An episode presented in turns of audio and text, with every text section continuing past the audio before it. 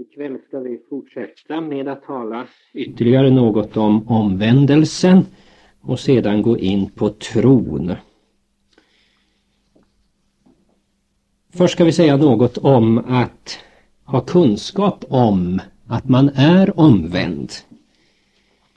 Känna till och förstå omvändelsens process inom sig. Och då ska vi veta att vi kan inte förklara och förstå hur det har kunnat ske med oss att vi har blivit omvända. Vi kan inte förklara den processen i oss. Lika lite som vi förstår och vet hur tankar kan skapa känslor. Lika lite förstår vi hur intellektuell kunskap om evangelium kan verka en andlig kunskap eller tro i våra hjärtan. Ibland verkar den intellektuella kunskapen inte tro. Och det är därför att andra hindrande inflytelser dominerar oss.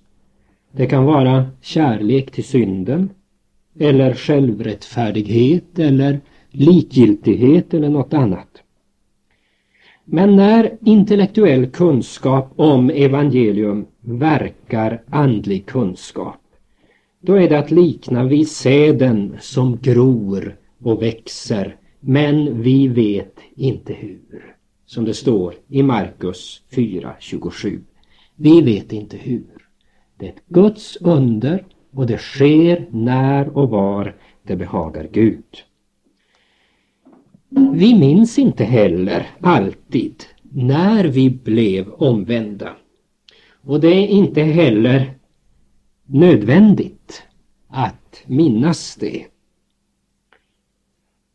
Det är däremot mycket viktigare för oss att veta att vi är omvända. Och det kan vi enligt Bibeln veta. Det står i Andra Korinthierbrevet 13.5 Ransaka er själva huruvida ni är i tron. Ja, pröva er själva. Eller känner ni inte med er själva att Jesus Kristus är i er?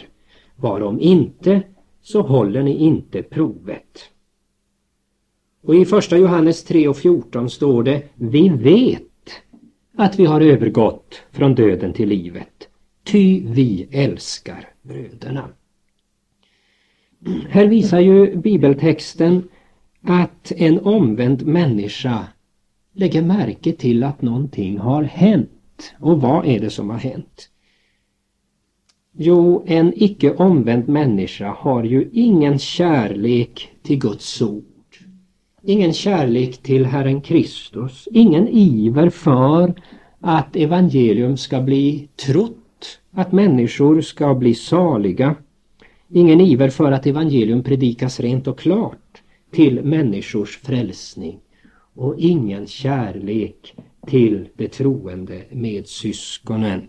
Ingen rätt sådan kärlek. Sålunda kan man ransaka sig själv och se om man är i tron, om Jesus Kristus är i er.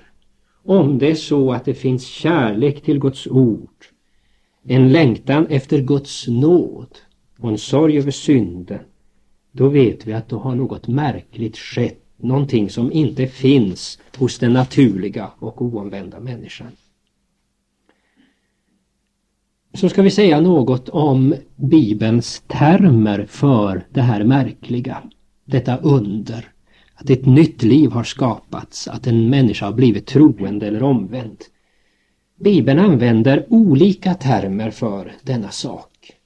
Och det är viktigt att känna till eftersom många har missförstått Bibelns termer om denna sak och trott att Bibeln därmed betecknar olika stadier eller olika saker i en lång utveckling mot det nya livet.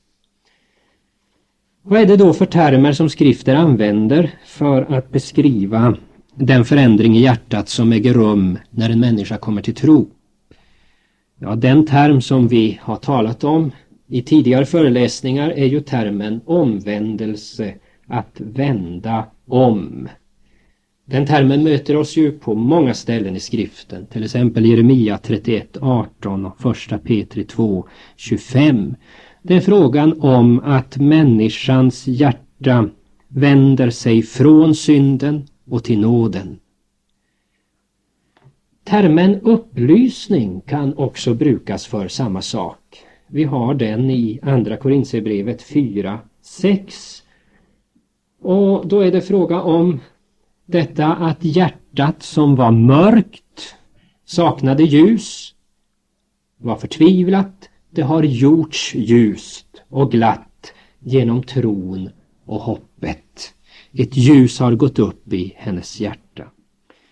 Och när termen pånyttfödelse eller ny födelse brukas, 1 Peter 1.23, Johannes 3.5 och Titus 3.5 då visar de termerna att ett nytt andligt liv började när tron hade verkats i hjärtat. Och när termerna levandegörelse, uppväckelse eller termen uppståndelse. Dessa termer finns i Efesierbrevet 2, 5, 6, Kolosserbrevet 2, 12 och 13 Uppenbarelseboken 25 talar om, talar om den första uppståndelsen. Och Johannes 5, 25 då säger dessa termer oss att vi genom tron har uppväckts, gjorts levande, uppväckts från andlig död till andligt liv. Alla dessa termer är alltså bildliga termer, termer som ger oss en klar bild för vad som har hänt. De beskriver exakt samma sak, nämligen att tron har verkats i hjärtat genom den helige Andes verkan. Därigenom har människan vänts om från att gå åt fel håll till att gå till sanningens källa, till nåden, till Kristus, blivit omvänd. Hon har fått ljus i mörkret, blivit upplyst. Hon har blivit född på nytt. Hon har blivit levande eller uppväckts eller stått upp ifrån den andliga döden. Det är alltså ett allvarligt misstag när man har radat upp dessa termer som beskrivningar på olika ting och olika stadier i en lång process som man kallar för en nådens ordning på väg emot det nya livet. Det är i själva verket fråga om olika termer för samma sak. Och så ska vi säga något om termen bättringen. Bättringen eller som samma grundord översätts och brukas i, i den svenska översättningen av de lutherska bekännelseskrifterna. Där brukas ordet boten. Ni bör alltså veta att när ni möter ordet boten i bekännelseskrifterna då är det samma ord som översätts ofta med bättringen eller riktigt ordagrant med ordet sinnesändringen. Med bättring menas någonting mer än en yttre förändring, en yttre observans eller en yttre bekännelse. Det är fråga om någonting som äger rum i hjärtat. Termen bättring det är en översättning av det grekiska ordet metanoia som ordagrant betyder en förändring i sinnet, sinnesändring. Och denna term den brukas dels i en trängre mening och dels i en vidare mening. När den brukas tillsammans med ordet tro, till exempel Apostlagärningarna 20-21, att göra bättring och vända sig till Gud och tro på vår Herre Jesus, eller som det står i Markus 1.15, gör bättring och tro evangelium. Då betecknar denna term sorg och ånger över synden. Men när termen bättring brukas ensamt, till exempel en enda syndare som gör bättring, som det står i Lukas 15, vers 7 och vers 10, då innefattar denna term vanligtvis både sorgen över synden och tron på syndernas förlåtelse. Sorg över synden, det är ju hjärtats svar och reaktion på lagens röst. Det är lagen som dödar, som skapar sorg. Tron däremot är hjärtats svar och reaktion på evangeliets röst. I Augsburgska bekännelsens tolfte artikel talas det om det här. Där beskrivs bättringen, eller som det där översätts, boten, på följande sätt. Boten består till sitt väsen av dessa två stycken. Dels förkrosselsen eller den ångest som injagas i samvetet om man insett sin synd och dels tron som väckes genom evangeliet eller avlösningen och som tror att synderna förlåtas för Kristi skull och som ger samvetet tröst och befriar det från dess ångest. Och därefter, därpå, bör följa goda gärningar, vilka är botens frukter. Eller vi kan ta samma artikel en gång till enligt Per Jonssons översättning som är något klarare. Boten består egentligen av dessa två delar. Den ena är ången eller den fruktan som injagas i samvetet genom kännedom om synden. Den andra är tron som födes av evangelium eller avlösningen och som tror att synderna förlåtes för Kristi skull samt hugsvalar samvetet och befriar från fruktan.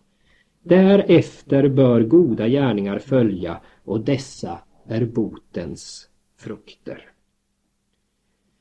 Man bör alltså ha klart för sig att till boten eller bättringen hör dessa två ting. Alltså att man vänder sig från synden och till nåden. Ånger och tro. Och om man ska tala om eh, hur omvändelsen äger rum riktigt strikt då är det frågan om det ögonblick då en person litar på Kristus för sina synders förlåtelse. I riktigt strikt mening är omvändelsen inte detta viktiga som går före förutsättningen för denna tro, nämligen att man inte försvarar synden utan sörjer över den. I strikt mening så är omvändelsen endast när evangelium tänder tro, förtröstan om att synden är förlåten för Kristi skull alena. Sorg över synden, det är en förutsättning för denna tro. Och goda gärningar, det är en följd av denna tro.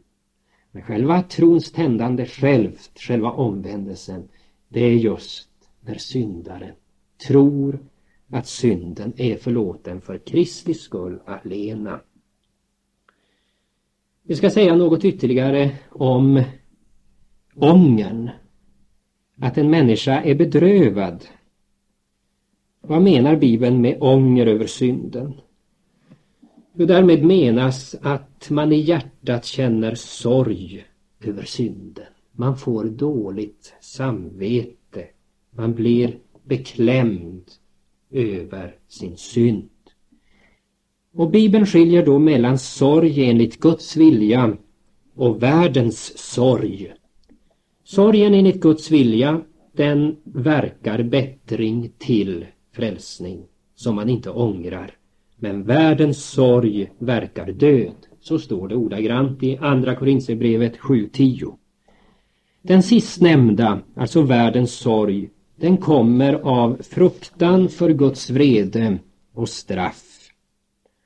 Och en sådan ånger, den finns hos människan före hennes omvändelse.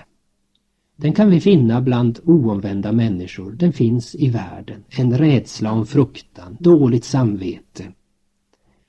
Och om en sån människa inte lär känna Guds kärlek och nåd i Kristus Jesus så slutar den, denna världens sorg i förtvivlan och död.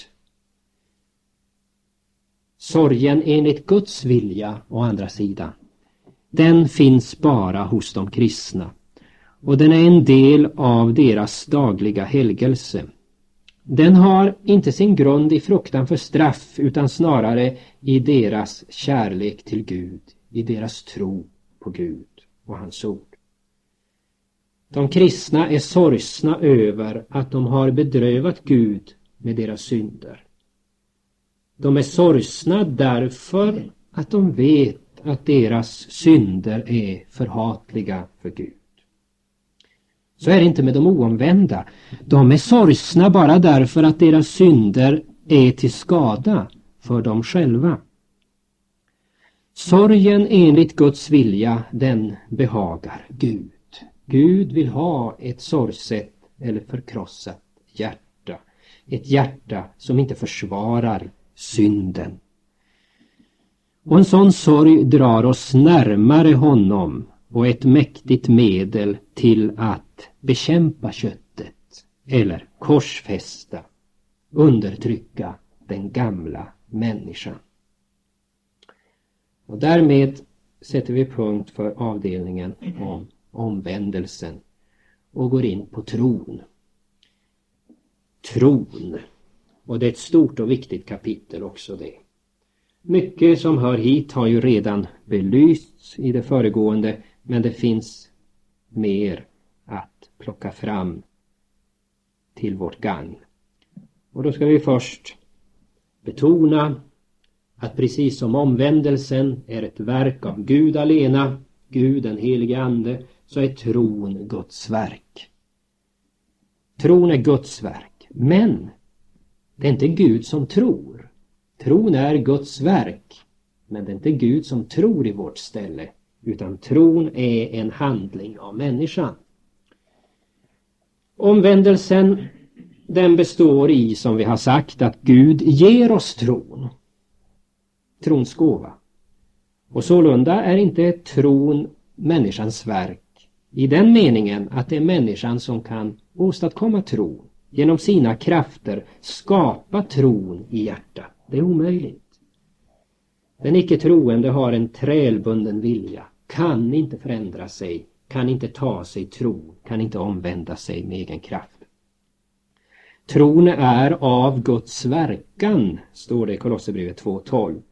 Och i Filipperbrevet 1.29 står det Det blev oss givet att tro på Kristus.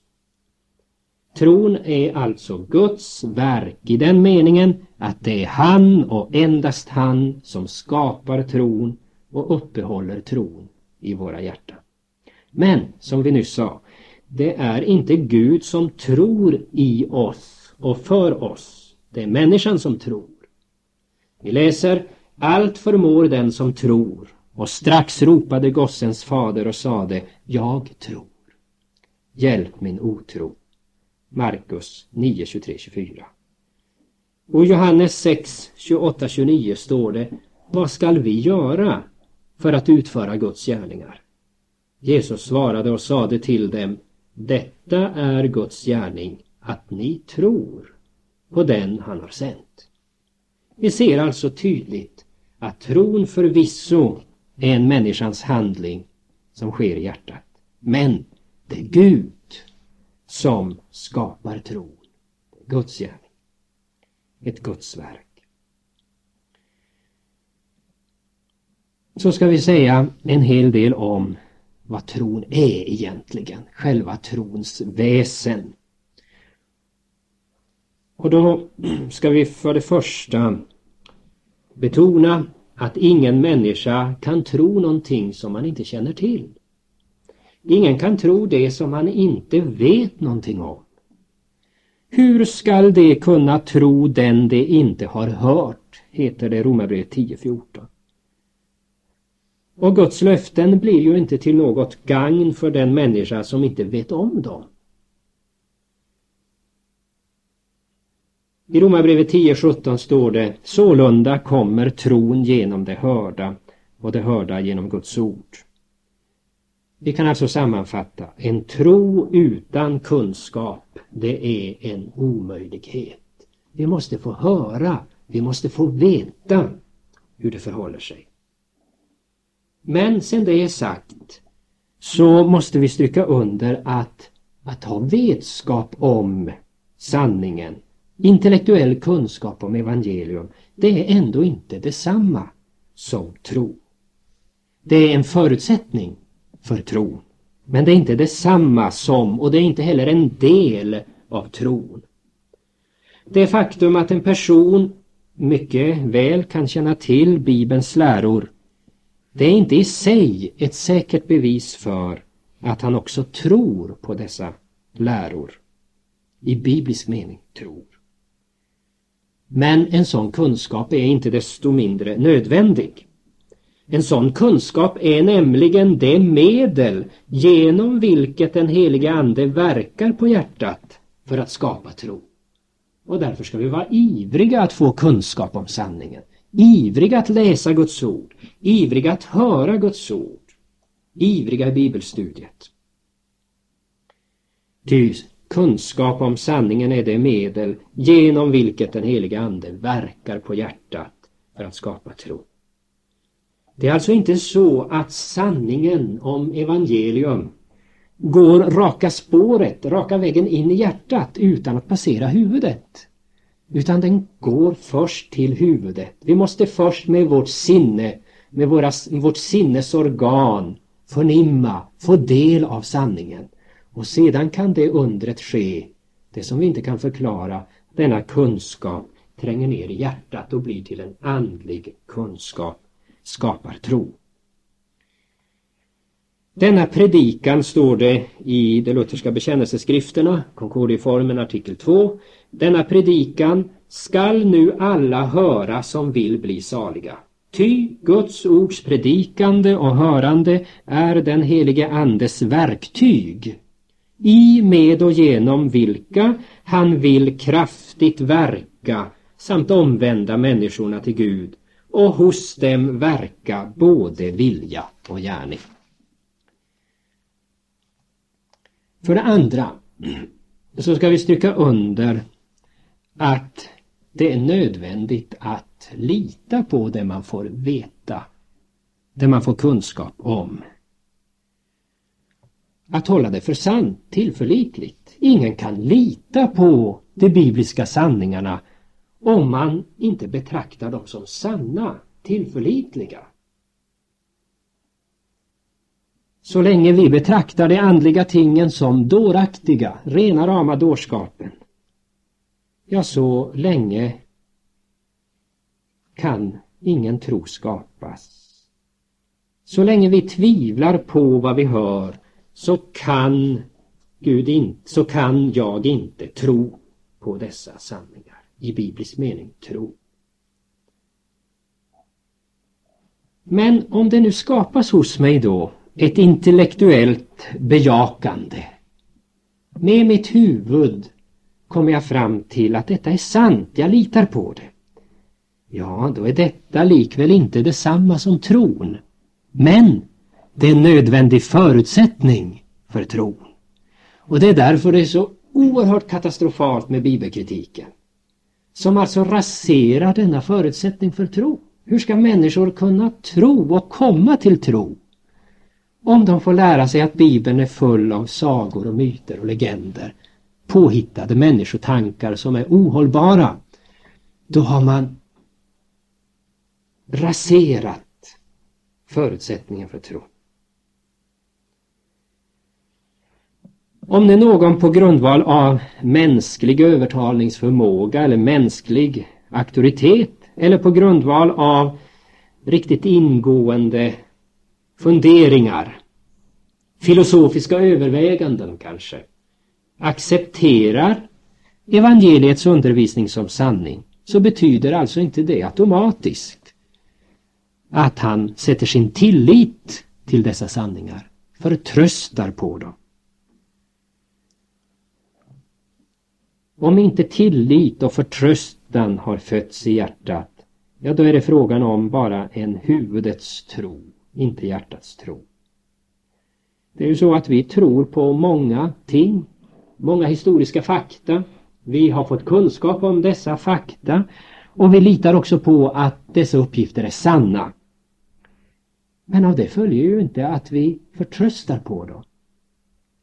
Förlitar oss till det.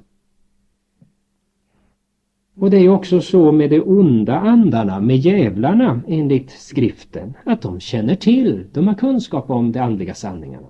De tror också att de, dessa ting är sanna. De vet att Jesus är Guds helige, Guds egen son.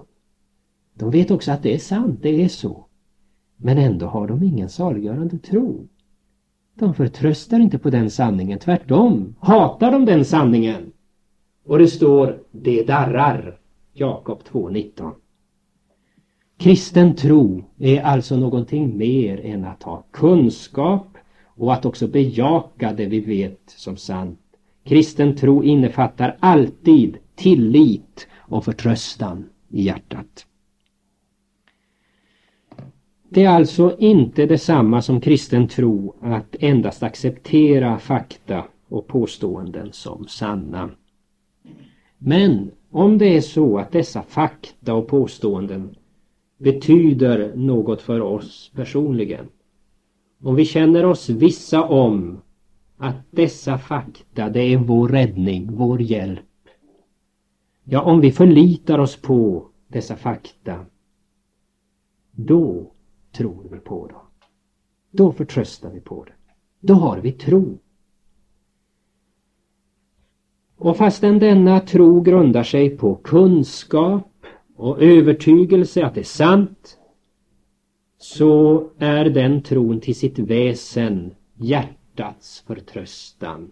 På latin fiducia cordis. Och sålunda är tron aldrig bara intellektuell kunskap och bejakande utan den är en emotionell hållning i hjärtat plus en viljakt. Men denna hållning och denna vilja, det är något nytt som har skapats. Det är inte någonting som fanns där outvecklat och som har utvecklats fram. Utan det var något som totalt var borta, fanns där inte. Det är någonting som helt och hållet har skapats, verkats av Gud. Vi har fötts på nytt. Fått en ny människa, en ny vilja som inte fanns där förut. Ett hjärta som litar till och förtröstar på nåden i Kristus Jesus. Med hjärtat tror man till frälsning, står det Romarbrevet 10.10. 10. Nu kan denna tro som vi nu talar om, som alltså innefattar denna förtröstan, ibland i Bibeln kallas för kunskap. Och då är det alltså frågan om kunskap i en vidare mening. En kunskap som innefattar att man förtröstar på de sanningar man har lärt känna. Det står ju i Johannes 17.3 Detta är evigt liv, att de känner dig, den enda sanne guden och den du har sänt Jesus Kristus. Att alltså ha kunskap om eller känna den enda sanne guden och den han har sänt Jesus Kristus är här alltså att förtrösta på honom. Att ha kunskap, att bejaka vad man vet som sant och förlita sig på det. det bety känna betyder alltså inte här bara intellektuell kunskap, sån som också det otroende kan ha, utan det är frågan om en levande kunskap, livets kunskap. En kunskap som har påverkat hjärtat och viljan och som verkar övertygelse och förtröstan.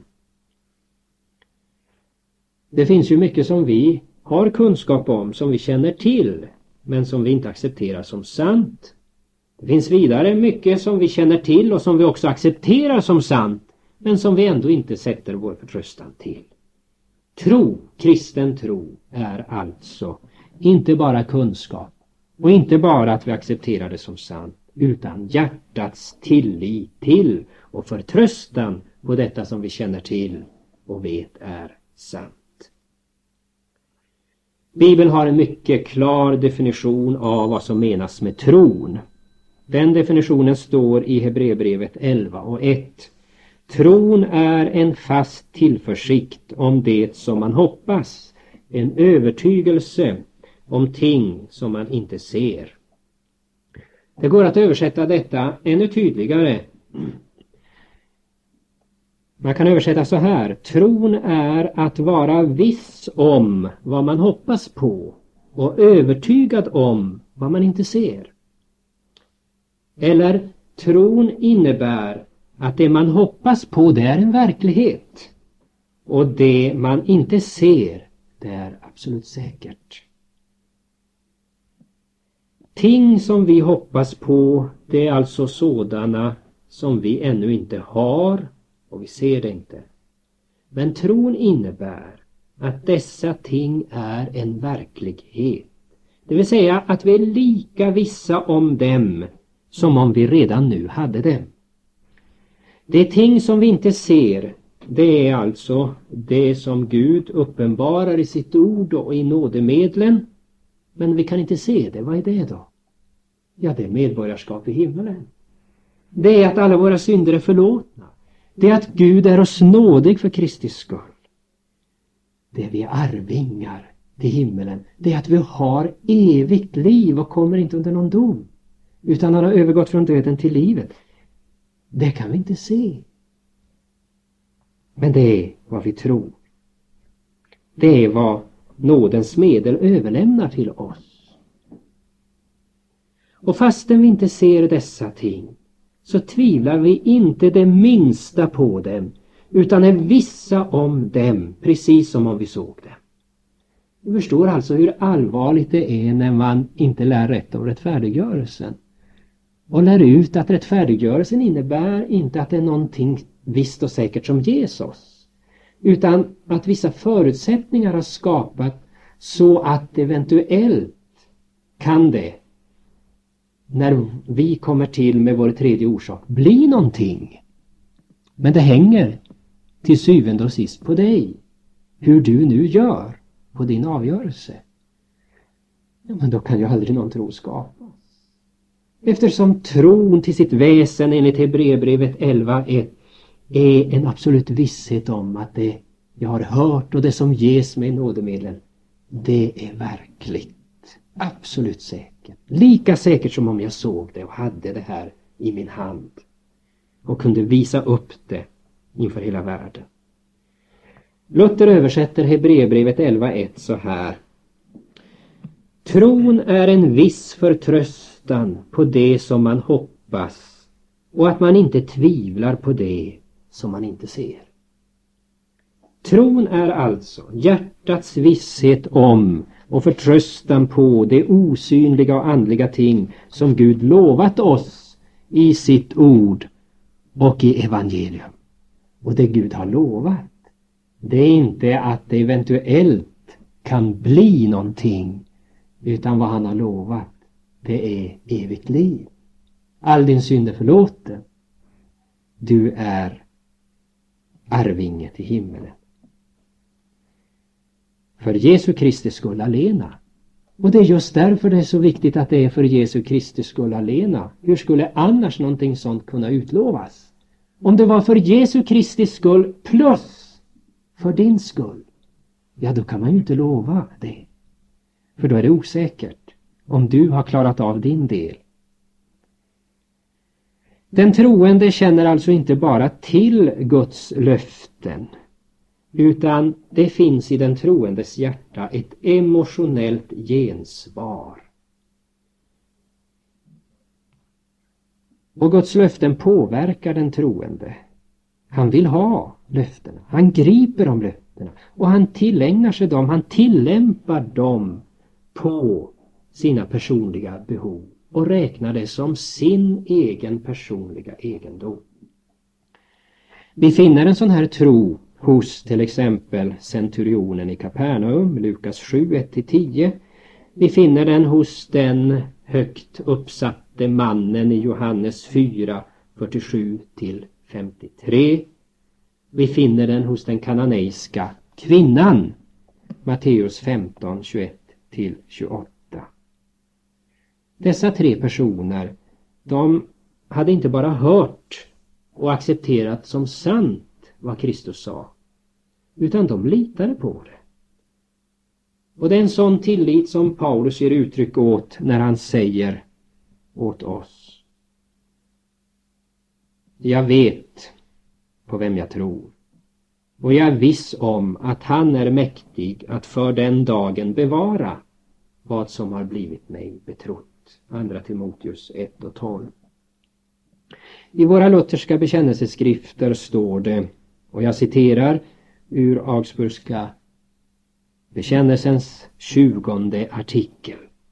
Ordet tro betecknar inte bara kunskap om vad som en gång ägt rum, sådan som även de ogudaktiga och de onda andarna har, utan därmed betecknas en tro som tror inte bara på de historiska händelserna utan på det som är frukten av dem, nämligen denna artikel, syndernas förlåtelse, det vill säga att vi genom Kristus har nåd, rättfärdighet och syndernas förlåtelse.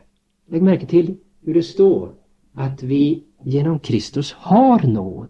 Inte möjligtvis kan få nåd, möjligtvis kan få rättfärdighet och syndernas förlåtelse, utan vi har det. Och den som vet att han genom Kristus har en nådig fader, lägg märke till, han vet att han har en nådig fader. Han har verklig kunskap om Gud. Han vet att Gud vårdar sig om honom och han åkallar Gud och är sålunda inte utan Gud som hedningarna. Allt detta stod alltså i Augsburgska bekännelsens 20 artikel. Det står ju om hedningarna att de är utan Gud och utan hopp i världen. Det betyder ju inte att de inte dyrkar någon Gud. Det betyder inte att de inte har massa förhoppningar av skilda slag. Utan det betyder ju att de känner inte den enda sanne guden. Det vill säga, de vet inte att Gud redan långt innan de börjar att offra är de nådig för Kristi skull alena. Och därför har de inget säkert hopp. De hoppas på sånt som inte håller. Men det enda som håller och är absolut säkert är ju vad Kristus har gjort och ger åt oss genom evangelium. När termerna kunskap och tro brukas i sin vida innebörd eller sin fulla innebörd så innefattar alltså dessa termer hjärtats förtröstan som vi förut har sagt. Och när vi definierar tron som hjärtats förtröstan då visar ju den definitionen att det är frågan om någonting mycket personligt. En människas tro den kan endast klamra sig fast vid sådana löften som människan vet gäller henne, henne personligen. Jag kan betrakta ett löfte om hjälp som är givet till någon annan som ett mycket visst löfte. Det är helt tillförlitligt. Men jag kan inte lita på det eftersom det inte gäller mig. Djävulen vet också att evangeliets löften, evangeliets löften är sanna. Men han kan ju inte lita på dem för egen del. För han vet att det gäller inte honom. Avser inte honom. Men hur är det då med Guds nådelöften? Jo, då vet jag att det gäller mig. Och hur kan det gälla mig? Jo, därför att Guds nådelöften är givna åt alla människor. Det är därför som Luther drastiskt brukar säga när en syndare kommer i tvivel och undrar, det gäller inte mig, för jag är för stor syndare för att det skulle kunna gälla mig. Säger Luther, nyp dig i armen. Och känn efter om du är en människa av kött och blod. Är du det? Ja, det är jag. Ja, då gäller det dig. Det gäller alla människor. Dina synder förlåtas dig. Det är avsett, detta löftesord, till alla, till var och en personligen. Och därför bör varje människa tillämpa dessa löften på sig personligen och förtrösta på dem. Och genom tron som klamrar sig fast vid löftet tar då den troende emot löftet. Tillägnar sig det som löftet erbjuder honom. Han tar inte emot det för någon annans räkning. Man kan inte tro för någon annan. Utan han tar emot det för sin egen del, för sig själv. Precis som var och en äter för sig själv. Ingen kan säga gå du och ät i mitt ställe för min räkning så att jag blir mätt. Det går inte. Precis som var och en äter för sig själv så tror var och en för sig själv. Tron griper om och tillägnar sig allt som Gud erbjuder i löftet. Och då kan vi få erfarenheter och känslor av frid, av glädje och lycka.